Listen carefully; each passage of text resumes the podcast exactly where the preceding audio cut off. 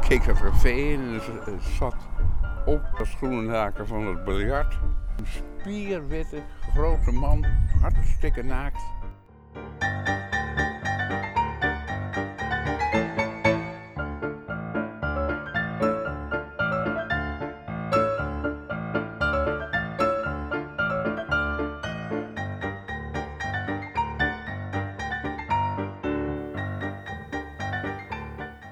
Hou van de zee. Al zolang ik me heugen kan, kom ik ieder jaar op Schouwen-Duiveland, in Renesse, waar het mooiste strand van ons land ligt. Het Verklikkerstrand. De zee is in mijn bloed komen te zitten. Ieder jaar begroet ik hem eerbiedig als een oude vriend. Steeds is hij dezelfde en toch is hij steeds anders. Elke keer is het een verrassing wanneer ik hem over de duinovergang ineens zie. Blauw of grijs, dichtbij of juist ver weg, met woeste golven of met een kalme, gladde waterspiegel. Ik schop mijn schoenen uit en voel het weldadige zand langs mijn tenen strijken. Wandelen langs de zee maakt je hoofd eerst leeg en vult het dan met nieuwe ideeën. Daarom zie ik de zee als geneeskrachtig, geneeskrachtig voor lichaam en geest. In augustus en september steken de eerste stormen op. Als je geluk hebt, maak je zo'n storm mee en is het je gegund je nietig te voelen wanneer je probeert tegen de wind op te boksen of je in de zee door de golven aan land te laten kwakken. Een spel lijkt het dan nog, je gestoei met de zee. Maar naarmate ik ouder word, besef ik beter dat de zee ook een andere kant heeft. Steeds vaker hoor ik dat er mensen verdrinken in zee, dat ze meegesleurd worden door muisstromen dat ze zich niet realiseren dat de zee uiteindelijk de sterkste is. En steeds vaker denk ik aan die winternacht in 1953, lang voor mijn geboorte. Een nacht die mijn oom Henk als twaalfjarige jongen heeft meegemaakt. Zijn vader was in die tijd gemeentesecretaris in Nieuwe Tongen, op Goeree Overflakkee. Op Flakkee, zoals Henk zelf zegt. Het begon overdag al op 31 januari.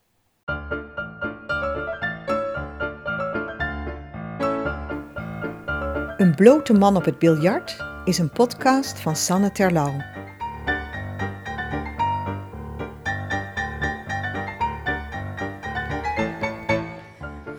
Ik kom hier nu net aan bij het huis van mijn vader. En ik ben hier speciaal naartoe gegaan omdat mijn oom en tante hier vandaag ook komen. En mijn oom Henk, die heeft als jongen de watersnoodramp meegemaakt.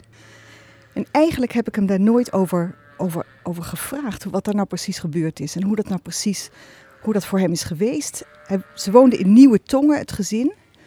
Nou, ik hoop dat ze zo meteen komen en dan, uh, dan ga ik ze eens eventjes ondervragen.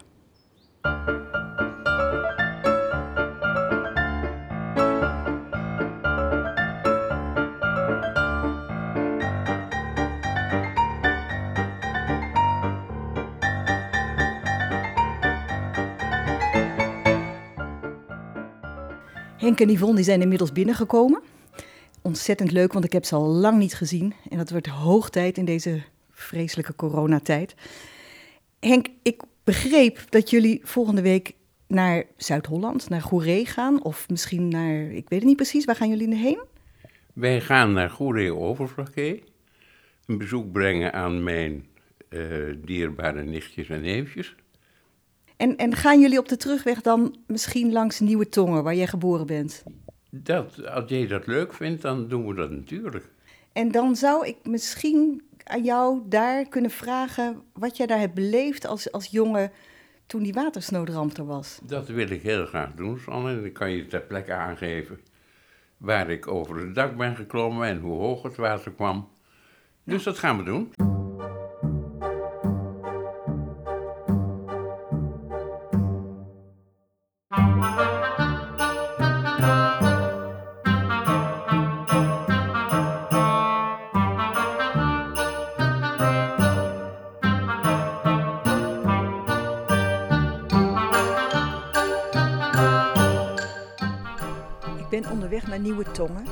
En ik ben even doorgereden naar Batten-Noord. Batten-Noord is een heel klein plaatsje aan de Grevelingen.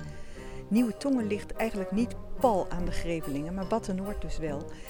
Ik wou eventjes zien hoe het er hier uitziet. Ik, ik ben gereden naar het haventje. Het is echt een piepklein haventje.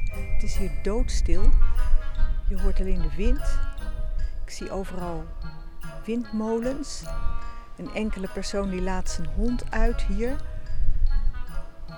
Ben eventjes het natuurgebiedje wat hierbij hoort ingelopen. En daar, eh, daar zag ik lepelaars, wulp, torenvalkje. Ik zag ook oeverlopers. Toen ik hier naartoe reed, toen zag ik hoe ontzettend vlak het land is en hoe, hoe rustig het water nu is. En het is echt moeilijk om je voor te stellen hoe dat toen in 1953 geweest is. Dat al die weilanden gewoon één kolkende watermassa zijn geweest. Dat is echt haast niet voor te stellen nu. Er liggen hier maar zoiets als, als 30 boten. Ik dacht dat ik hier wel koffie zou kunnen krijgen, maar er is in geen veld of weeg iets te bekennen. Het is een kleine uitkijktoren. Daar kun je opklimmen om naar de vogels te kijken. In de winter dan overwintert hier een groep flamingo's.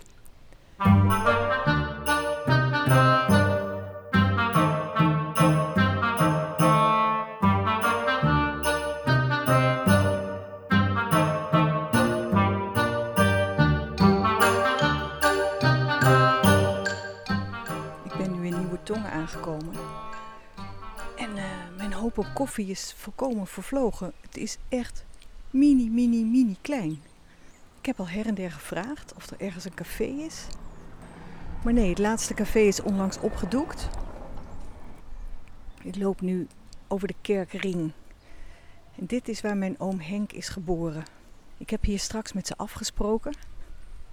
En ik ga vast eens eventjes kijken of ik het huis kan vinden waar hij geboren is en waar hij die watersnood heeft meegemaakt. Er staat hier een prachtig kerkje in het midden met een vijvertje eromheen.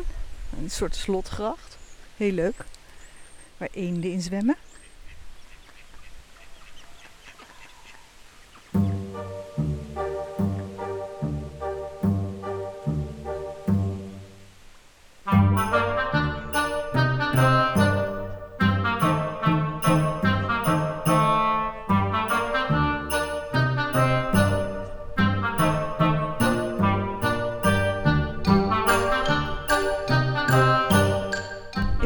Twee? Uh, kerkring. Dat zou best eens kunnen. Dat nummer ben ik even kwijt nu. Oké. Okay. Nou, je ziet het, hè? de kerk in het midden. Ja, prachtig. En een ring eromheen. Maar een mini, mini plaatje zeg. Ik kon hier niet eens koffie krijgen. Kun je geen koffie krijgen? Nee, het is een mini plaatje. Ja. En het is ook een beetje uh, vanwege de krimp, denk ik, er niet beter op geworden de laatste jaren hier. Nee, ze zeiden dat het, la dat het laatste café net gesloten ja, is. Ja, dat zie Want je hebt uh, oude tongen, dit is een nieuwe tongen. Ja. Heb je oude tongen, dat is een haventje. En dat betekent dat er veel meer reuring is. Aha. Toerisme, boten enzovoort, dat heb je hier niet. Dus Weet je hoeveel mensen hier wonen? In dit dorp? Ja. Uh, om en bij de 2000, denk ik. Ja, dat is toch helemaal niks. Dat is Piccolo. Hier heb ik leren schaatsen op deze slotgracht? Ja, op deze slotgracht, ja. Die was er dus toen ook al? Ja. Dit is het huis Dit waar witte? wij woonden toen. Uh, oh, dat is helemaal niet zo hoog als dat andere. Nee. Ik dacht al, het andere is nog lekker hoog. Dan kun je nee, dit is laag. Ah, en even kijken welk nummer dit nou is. 8. Dit is Kerkring 8. En uh, dat is kerkring 18. Ja. ja klopt. Ja. Ja, wow. dat was ik even kwijt. Klein huis, zoals je ziet. En met hoeveel woonden jullie hier? Uh, vader, moeder en drie broers, inclusief mezelf. Drie zoontjes. Drie zoontjes. En welke was jij van de drie? De oudste. De oudste. Ik was de oudste. Probeer me dat voor te stellen hier. Het nou, er... het was hé, hey, wat leuk zeg. Die bankjes zijn er nog, heb ik vaak gezeten. Uh, die zwaan is er ook nog. Een zwaan in de, boven in de deur, een glas- en loodzwaan. Heel mooi.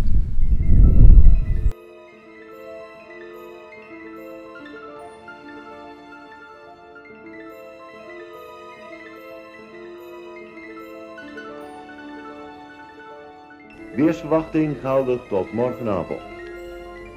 Gedurende de nacht vooral in de kustprovincies tijdelijk zware storm. Overigens stormachtige tot krachtige wind, ruimend van west naar noordwest tot noord. Guur weer met wisselende bewolking en nu en dan regen, hagel of sneeuwbuien. Bericht van de wind- en stormwaarschuwingsdienst voor de scheepvaart. Vanmiddag om 5 uur werden de geldende waarschuwingen vervangen door waarschuwingen voor zware storm tussen west en noordwest. Bericht van de stormvloedwaarschuwingsdienst. Boven het noordelijke en westelijke deel van de Noordzee woedt een zware storm tussen noordwest en noord. Het stormveld breidt zich verder over het zuidelijke en oostelijke deel van de Noordzee uit. Verwacht mag worden dat de storm de hele nacht zal voortduren. Daarom werden vanmiddag om half zes de groepen Rotterdam, Willemstad en Bergen op Zoom gewaarschuwd voor gevaarlijk hoog water.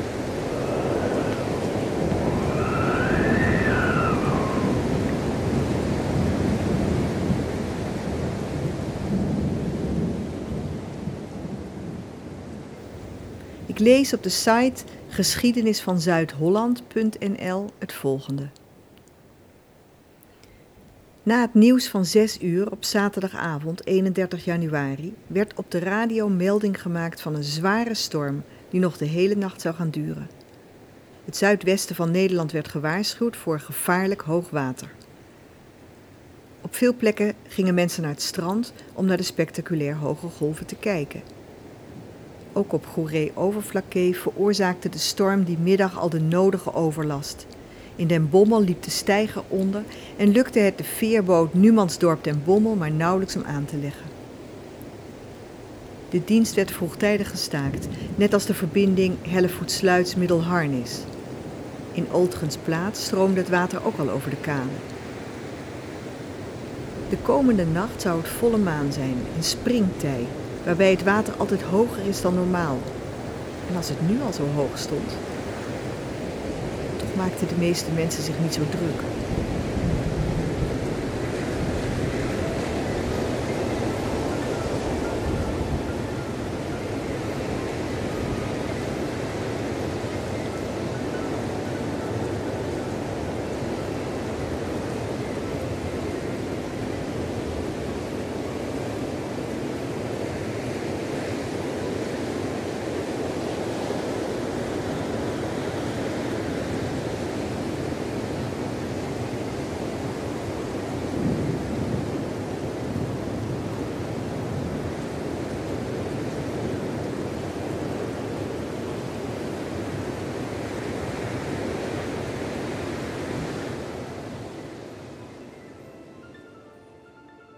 De ramp die speelde zich af zaterdag op zondag. Hè? En zaterdagavond, toen wij allemaal al te bed lagen, ging de telefoon. En toen werd mijn vader opgeroepen. Mijn vader was hier gemeentesecretaris. En de burgemeester belde, je moet uh, nu zo snel mogelijk proberen mensen die hier in de buurt een auto hebben, naar Battenoord te sturen. De plek waar jij was ook. En Aan- lag, lag jij in bed toen? Ik lag toen in bed. Door die reuring zijn we natuurlijk werden we wakker. Toen wij naar beneden met mijn moeder. Wat is er aan de hand? Ja, je vader moet hier autobezitters zo gek zien te krijgen dat ze naar Battendorp te rijden, want er is paniek. Toen heeft mijn eh, vader hier een rondje gemaakt. Ja. Eerst deze kant van het dorp. En daarna zou hij die kant van het dorp eh, bestrijken. Hij kwam tussendoor even naar binnen hier. Even pauzeren, zou ik maar zeggen. Ja. En terwijl hij hier de deur opendeed, zei hij, en ik hoorde hem nog zeggen, verdorie zeg, ik sta in het water. En hij had het nog niet gezegd. Of er kwam een enorme dijk water aanzetten hier. Daar vanuit die straat, zo hoog, zeg maar zeggen, met schuimkoppen erop. Met veel geweld. Dus het was even, eh, jongens, wat is er aan de hand? Ja, we moeten naar boven.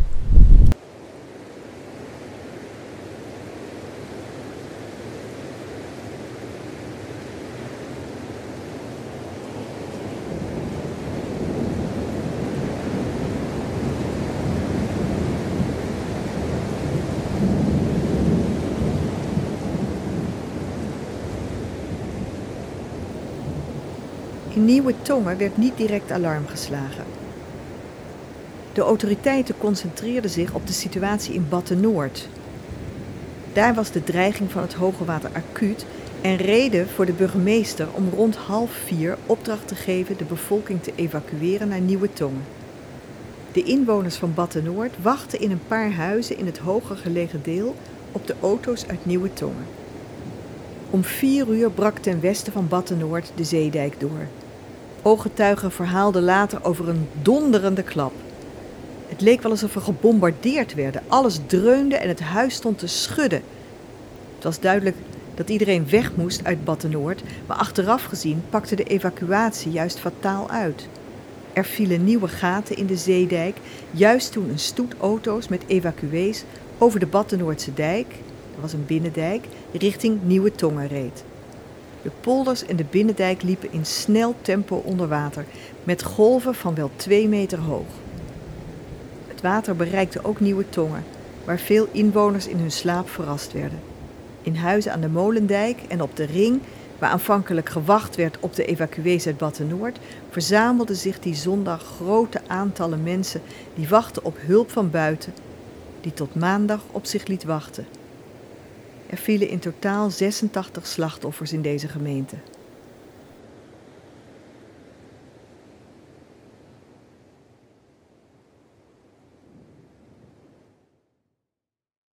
Nou, wij een trappetje op naar boven. Mijn vader bleef beneden, moeder ook. Die dachten, we proberen nog iets te redden in huis, wat Ja. natuurlijk onzin was. In een mum van tijd stonden ze zo hoog in het water. Borsthoogte in het Ja. water. Van die tegels die aangeven hoe hoog het water heeft gestaan. Nou, toen, dat zien we nog wel straks. Ja, wij waren dus al, al boven gevlucht voor die enorme hoeveelheid water. Mijn ouders probeerden inderdaad nog iets te, te pakken te krijgen. Dat lukt allemaal, was allemaal zinloos. Kwam het water, denk ik, hier te staan op 1,80 meter. Dat, dat gevoel heb ik. Dus tot zo, zeg maar zeggen. En wat er ook gebeurde, die ramen, dat waren van die ramen die omhoog gingen. En door de druk van het water gingen die open. En ik weet nog, hier van boven keken wij natuurlijk wat er allemaal gebeurde. Dat er allerlei dingen naar buiten dreven. Eh, een schaal met sinaasappels, zou ik maar zeggen. En een antiek houten kistje, dat zie ik hier nog wegdobberen. En, En- wa- waren jullie bang? Kun je dat nog herinneren? Ja, we waren natuurlijk wel een beetje bang, ja. Een beetje bang. Een beetje bang. Nou ja, en dat werd ernstiger, omdat eh, dat water bleef maar stijgen. Dus we zaten op die verdieping. En mijn ouders zeiden natuurlijk, potverdorie zeg, als het hoger wordt, wat moeten we dan? Maar dus dit hele, dit hele plein, zeg maar zeggen, dat stond gewoon helemaal als een zee onder water. Ja, Kun je nou niet meer voorstellen, hè? helemaal. Tot zo hoog. En er kwam natuurlijk van alles vanuit die polder binnendrijven. Ja. Hout, rotzooi. Er lag hier een enorme hoeveelheid eh, troep in het water. En toen was het heel spannend om te merken van blijft dat water stijgen. En eh, op een gegeven moment, dat moment herinner ik me nog heel goed. Het meubilair bonkte tegen de verdieping aan. Bom, bom, bom, bom, die stoelen en zo. En het maakte ontzettend veel lawaai. En van de ene op de andere minuut, seconde, werd het doodstil. Dus toen steeg het water niet meer. Ja. En dat was natuurlijk geruststellend van jongens, wordt niet hoger in ieder geval. Ja. En we kunnen op die verdieping blijven. In de hoop dat als het morgen een beetje licht wordt, dat we dan eh, hier vandaan gehaald worden. ja. En we hadden nog helemaal niet het idee dat heel Zeeland en een deel van Zuid-Holland onder water stond. Mijn vader had iets te maken met het bestuur van de polder hier. En die zei, nou dat zal wel die ene polder zijn. Maar de volgende dag hoorden we dat heel eh, Zuidwest-Nederland onder water stond.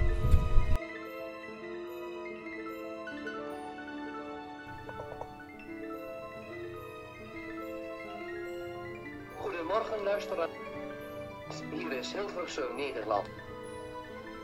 Het is vandaag 1 februari 1953. De nieuwsdienst voor de Nederlandse Radio-Unie verzorgd door het Algemeen Nederlands Persbureau ANP begint de uitzendingen van vandaag met nieuws in beide programma's. In verschillende plaatsen in het westen van het land is noodtoestand ontstaan door abnormaal hoge waterstand. Mededelingen hierover van uiteenlopende ernst bereikten ons tot nu toe uit En toen het ochtend werd, Rotterdam, toen eh, Maasluis, gingen m- mijn ouders natuurlijk bedenken van hoe komen we hier uit? Lelystad, En Wil je even hier- zitten ergens of niet? nee hoor, maar we kunnen ook naar de achterkant lopen Ja? even. Oké? Want dat is wel grappig, dan kun je zien hoe we de, de dijk opgeklauterd zijn. Oké. Maar ik begreep dat, dat het nieuwsbericht van de volgende ochtend, dat dat zelfs helemaal niet zo verontrustend was. Men wist het niet in Nederland dat het zo ernstig Nee, dat was. is dus pas later, bij- bij ons is er ook later pas doorgenomen. Nou, laten we even En naar dan de lopen we even naar lopen. achterom, dan kan ik je laten zien hoe we het huis uitgekomen zijn.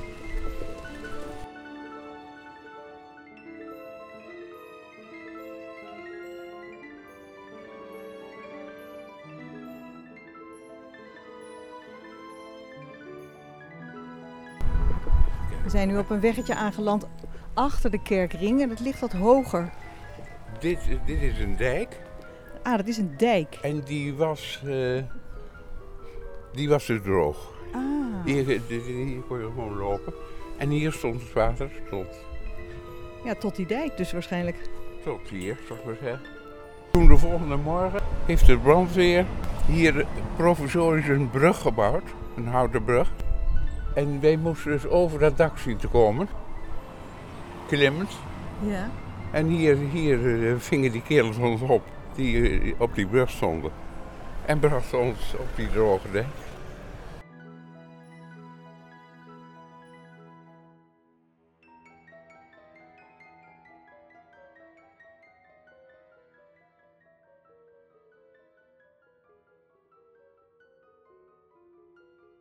Ik herinner me nog, dat was daar, dat punt dat heette De Hoogte, De Haagte. Daar was een café, liepen die kant op, naar het huis van mijn, de vrienden van mijn ouders. En ik keek dat café in en er zat op haken van het biljart een spierwitte grote man, hartstikke naakt, die daar was aangespoeld, zou ik maar zeggen. Zo ging dat. Mensen kwamen van alle kanten kwamen ze, probeerden ze die dijk te bereiken. En dan hoorde je ook gruwelijke verhalen. De man, herinner ik me nog, die helemaal in paniek was. Want die had voor zijn ogen zijn vrouw en zijn kinderen zien verdrinken. Zo dat soort vreselijkheden. Straks als we naar Oude Tongen gaan, op de terugweg, daar waren wel eh, iets, iets van 220 mensen eh, zijn daar verdronken. Dus Daar was nog veel.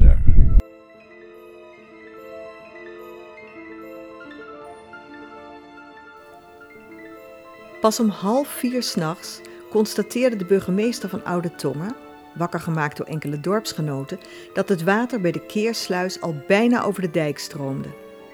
De rest van het dorp waarschuwen was een probleem, want de elektrische kerkklok kon niet geluid worden omdat de stroom inmiddels was uitgevallen. Ook de mensen in de polders waarschuwen lukte niet meer. Een paar kilometer ten westen van het dorp was de zeedijk al doorgebroken. Eerst op één plek, later op meerdere, zodat de polders tussen de zeedijk en het dorp volliepen. Om vijf uur vielen er gaten in een aantal van de binnendijken die het dorp beschermen en toen ging het snel. Het water kwam van drie kanten op het dorp af en steeg in een kwartier tot een paar meter hoogte. Veel mensen sliepen nog, anderen wisten zich net op tijd op zolder of op het dak van hun huis te verschansen. Er waren ook veel huisjes zonder zolder, waar de bewoners in een bedstee op de begane grond sliepen. Ook op zolder waren mensen niet veilig. Veel huizen die in het water stonden waren niet bestand tegen het voortdurende gebeuk van het wrakhout. Huizen stortten in en slachtoffers werden door het water meegevoerd. In de ochtend konden uit sommige huizen mensen gered worden, maar lang niet iedereen. Het stormde nog steeds en het wrakhout zorgde overal op het eiland voor levensgevaarlijke situaties. Toen het die middag opnieuw vloed werd en het water weer begon te stijgen, begaf een deel van de huizen die de eerste nacht overleefd hadden het alsnog. Van de in totaal 3100 inwoners van Oude Tongen stierven 305 mensen. Daarmee is Oude Tongen de zwaarst getroffen gemeente in het rampgebied.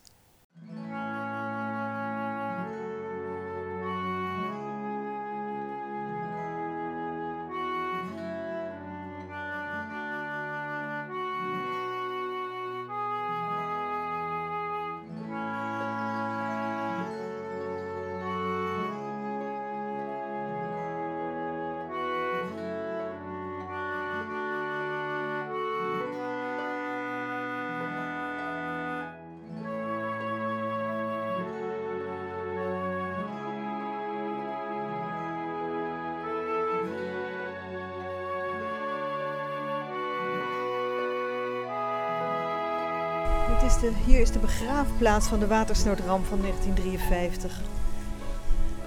De gehele nacht en de daaropvolgende zondagnacht zijn de mensen op zichzelf aangewezen. De eerste reddingswerkers kunnen het zwaar getroffen dorp pas op maandag bereiken. Veel woningen zijn ingestort. Alleen al in de Julianastraat zijn 65 mensen verdronken.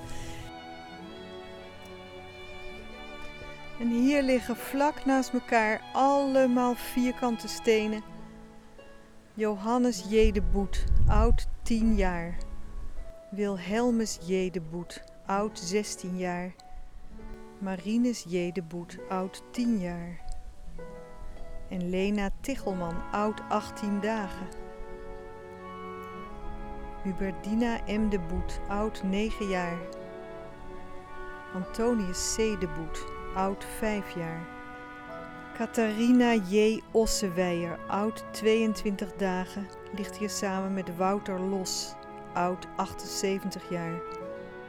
Een enorme rij kleine grafstenen, heel indrukwekkend.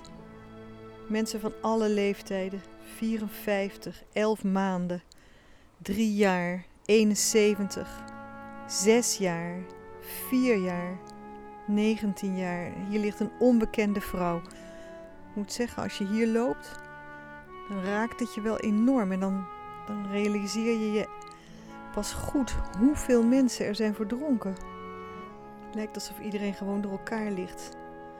Pieter Knops en daarna Henderina Kiewit, oud 16 jaar. Cornelia Brands, oud 13 jaar. Nog een debuut, oud 15 jaar, Sarah. En Jacobus, 8 jaar. Erg indrukwekkend deze begraafplaats. Zoveel mensen met dezelfde achternaam. Zoveel kinderen. Lijntje Knops, 18 jaar. Verdronken. Leendert Fluit, 2 jaar.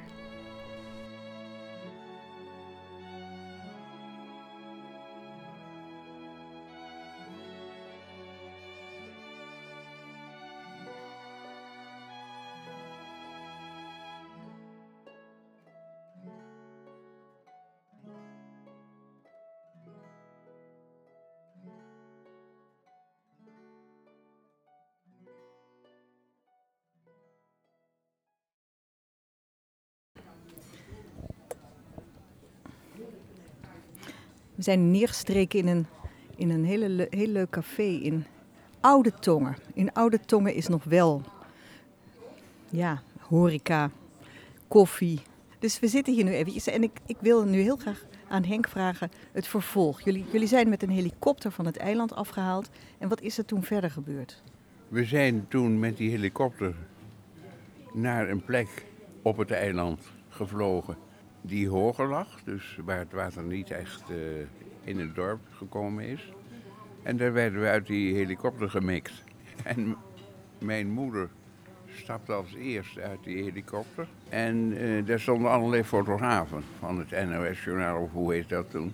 En toen zei mijn moeder, je, je, kon- je, wordt echt wereldnieuws. Maar hoe zien wij dat? Want we hadden geen televisie toen nog, in die jaren.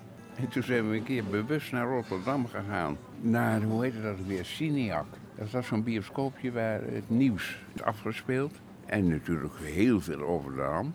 en verduld, zeg. Die helikopter die landde. En daar staat mijn moeder lachend uit die helikopter. Dat mijn vader later zei, mens, in die omstandigheden zo uitbundig staan te lachen. Dat kan helemaal niet. Maar dat past, past echt bij mijn moeder. Een optimistische, vrolijke vrouw. En toen uh, zijn we van daaruit met een boot over Zarenvlies getrokken naar Hellevoetsluis. In Hellevoetsluis stonden bussen. En die hebben ons toen over het eiland Voorn en Putten gereden naar het dorpje Naaldwijk. En daar werden we neergezet in een grote veilinghal. Samen met nog veel andere zogenaamde slachtoffers. En daar kwamen de bewoners van Naaldwijk die kwamen keuren. Van hé, hey, die willen wij wel in huis. En dat gezin is net groot genoeg en dat zijn er te veel. Dus er liep zo'n hele rij mensen te kijken van hé, hey, deugen die wel die. En ons gezin werd toen gesplitst. Mijn vader en moeder met mijn jongste broer Pieter kwamen bij een predikant terecht in huis. Hoe heette die ook weer? Dominee Smit, geloof ik. En Leen en ik kwamen bij een, tuindersgezin. En de, het eerste wat ze deden was ons in bad stoppen. Want we hadden ons dagen niet gewassen. Ook in dat huis waar we met zoveel mensen waren, was geen waterleiding meer. Mijn, moeder in die dagen, die pelde dan een sinaasappel. En dan fristen ze ons op met de schillen van, van die sinaasappel. Om een beetje en uh, nou, toen zijn we dus ondergebracht bij die familie. En daar hebben wij een week of zes, denk ik, in huis gezeten. En in Naaldwijk was geen HBS. En ik zat op de HBS in Middelharnis. Maar er was een MULO, of dat heette toen ULO, geloof ik. En daar heb ik op de ULO gezeten een paar weken. En toen zeiden mijn ouders, ja, dat gaat niet goed natuurlijk. Die jongen moet ergens op de HBS. Dan haalt hij tenminste die, die klas. En toen ben ik terechtgekomen bij een familie in Den Haag. En hoe we daaraan kwamen, weet ik niet. Maar die gaven zich dan waarschijnlijk op via de centrale adressen. En toen heb ik zes weken bij de familie Bink gewoond. En daar kon ik dus op de HBS. Maar en hoe vond je dat, om dan zo lang bij je gezin weg te zijn? Je kwam daar van, van dat eiland waar je nooit een stap buiten zette natuurlijk, omdat je alles met de boot moest doen. En ineens zit je in Den Haag. Hoe is dat? Ja, wat ik al eerder zei, die hele periode had ook iets heel avontuurlijks. En daar hoorde dit ook bij. In de grote stad, op een HBS in Den Haag. Dus dat vond ik ook nog wel een soort interessant, denk ik. Ik heb, ik heb er niets ontzettend onder geleden. En toen zeiden mijn ouders op een moment, dat is niet goed. Die jongens eh, elders ondergebracht en wij, weet ik waar. We gaan proberen een e-, etage te huren, zodat we weer als gezin bij elkaar kunnen wonen. En dat was in Leiden, bij de familie Herfst, weet ik nog. Een deftige familie met een groot herenhuis. En daar hebben we een etage gehuurd. Mijn moeder en haar zoons die zijn daar toen ondergebracht. Mijn vader ging weer naar het eiland terug, want die moest werken door de week. En dan kwam hij het weekend over. En, kon hij in jullie oude huis terecht? Nee, dat kon niet. Dat huis uh, dat, uh, zat onder de modder. Totaal onbewoonbaar. En toen zijn we met het gezin een poosje gaan wonen in Middelharnis. Omdat dat dorp het minst getroffen was. En daar hebben mijn ouders toen een huis gehuurd, tijdelijk. Ook weer een week of zes. En in die periode werd ons huis in Nieuwe Tongen weer een beetje bewoonbaar gemaakt. En dat begon ermee dat de brandweer met grote spuiten dat huis schoonmaakt. De modder stond tot 1,80 meter. Nee, dat is vreselijk. Eén grote puinhoop.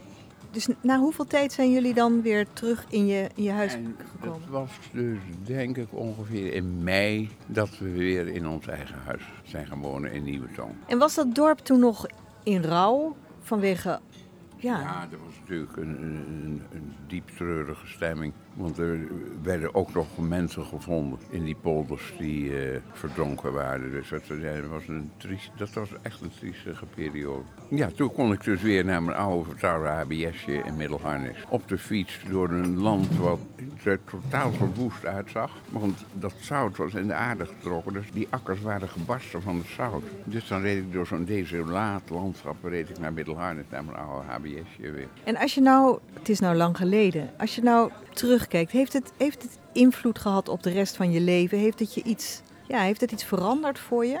Ik geloof het niet.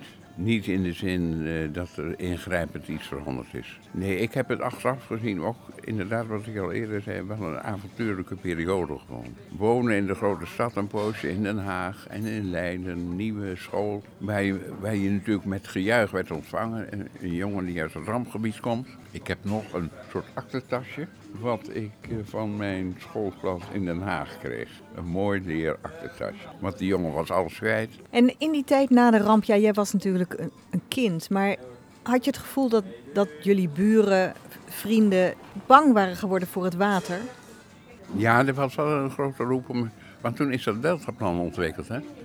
En het is buitengewoon snel, uh, is dat plan uh, in werking getreden. Dus toen begon al gauw in de loop van het jaar begonnen ze met die dijken en die dammen enzovoort. En dan fietste ik wel naar de Grevelingen om te zien hoe die dammen werden aangelegd. Dus ook dat was weer min of meer een avontuurlijke periode. Van in Nieuwe Tongen heb je nog een wijkje met houten Finse huizen. En die werden toen cadeau gedaan door uh, Finland. Als, als bouwpakket? Ja, al met al een, uh, een, periode die ik natuurlijk niet vergeet en die ik me in sommige details heel goed herinner. Maar niet dat het sporen heeft nagelaten dat ik doodongelukkig werd of nee. En als je nu door Nieuwe Tongen loopt, voelt dat voor je als heerlijk vertrouwd of fijn dat ik hier weg ben? Of hoe? Fijn dat ik hier weg ben. Ik moet er niet aan denken dat ik in Nieuwe Tongen mijn, uh, mijn jeugd verder had. Ik vond het heerlijk om naar Utrecht te gaan, te gaan studeren. Nee, dat vond ik alleen maar fijn. Ik kan me wel voorstellen. Het is wel heel, heel klein. Ik niet, niet uh, naar terug willen. Je hebt van die mensen die willen dan naar hun geboortedorp en dan willen ze doodgaan. Moet ik helemaal niet aan denken, zeggen in Nieuwe Tongen. Ik vind het leuk nu om er terug te komen met enige regelmaat. Om die oude dingen nog weer te zien, maar absoluut niet van hier wil ik mijn laatste adem uitblazen. Nou, hou die laatste adem nog maar eventjes uh, binnen, zou ik zeggen.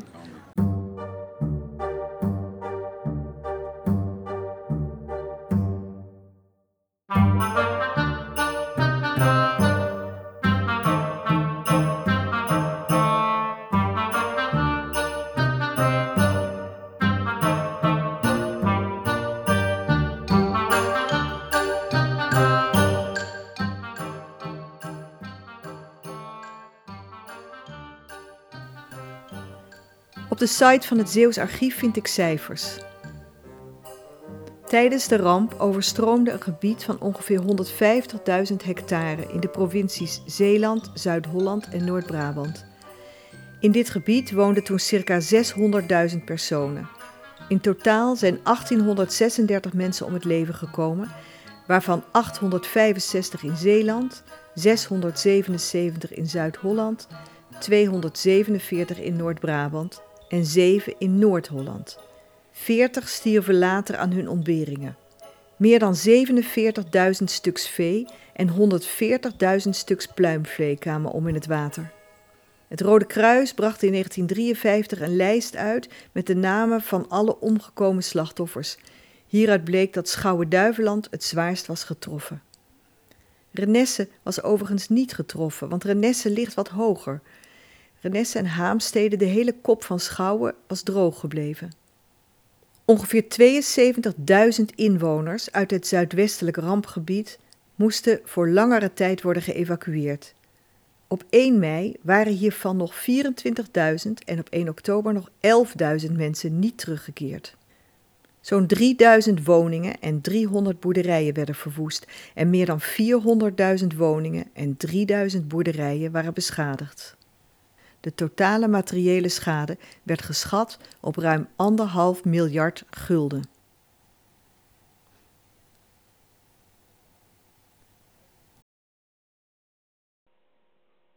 Om de vlakke even een beetje op te fleuren, had ik het vlakkese volkslied weer maar eens een stof gehaald. De meesten zullen het wel niet kennen, maar daarom had ik de tekst er ook maar bij. Het is van mij ook weer al nog geleden, dus ik hoop dat ik een beetje de toon kan houden. Even kijken hoor, want ja, dat is nog niet zo makkelijk. Daar komt hij dan.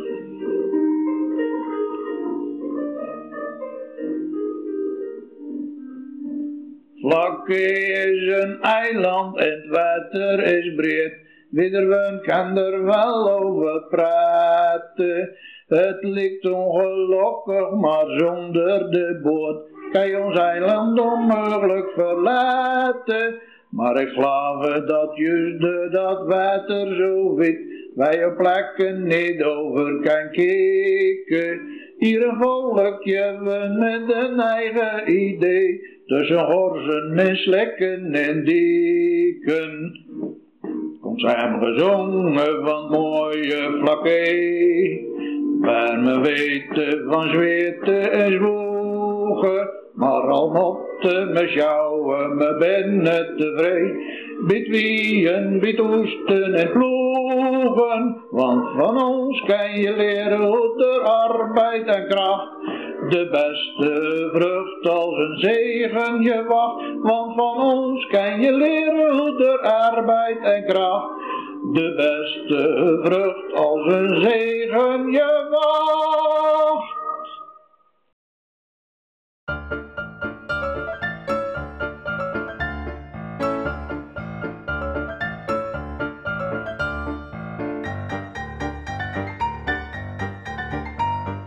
Nou, dat was het dan. Daar moet je laten we mee doen.